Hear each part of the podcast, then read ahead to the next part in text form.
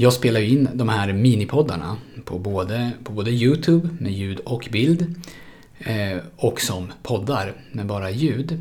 Och jag har spelat in ganska många poddar och är hyfsat bekväm med den utrustningen. Jag vet lite hur man gör men med film så är det ju helt annorlunda. Eh, och jag har en kollega här ute som heter Marcus som har en, eh, som har en bra, mycket, mycket mer framgångsrik YouTube-kanal än vad jag har.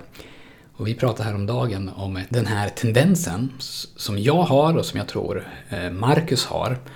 Att vi vill hela tiden leta förbättringar, hur vi kan göra det här bättre.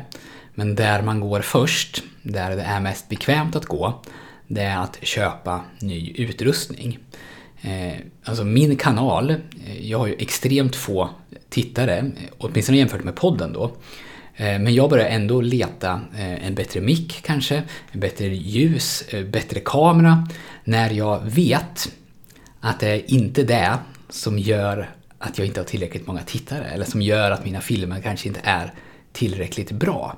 Utan vad jag skulle behöva lägga tiden på självklart, det är ju eh, innehåll, eh, det kanske är redigering eh, och det kanske är marknadsföring av de här YouTube-filmerna.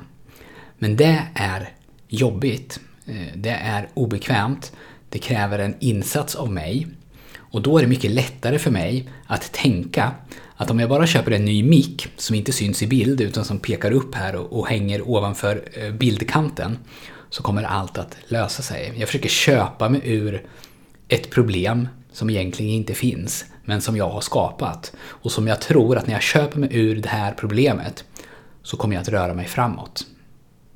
Men det är ju bara en illusion, utan vad som kommer röra mig framåt är ju att göra det här jobbet som jag sa förut då, att kanske försöka sprida mina filmer mer eller försöka göra mina filmer bättre. Och sen, om det visar sig då att filmerna är bättre och att jag får en större publik, det är då jag ska börja lägga, lägga pengar på de här andra resurserna. För kvaliteten på, åtminstone när jag står så här som jag gör nu eh, på mitt kontor, kvaliteten på de filmerna är ju good enough, så att säga. Det, det, är ju inte där det fallerar. Men det är bara, tycker jag, ett intressant fenomen.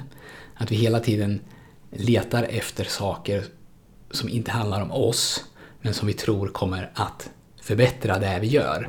Jag behöver nya löparskor, eller jag behöver en ny pulsklocka, eller jag behöver nya kläder för löpningen, eller någonting sånt där då.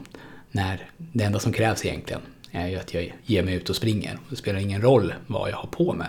Eh, det här har blivit så tydligt för mig nu när jag och Marcus har pratat, eh, så jag tänkte bara dela med mig av det.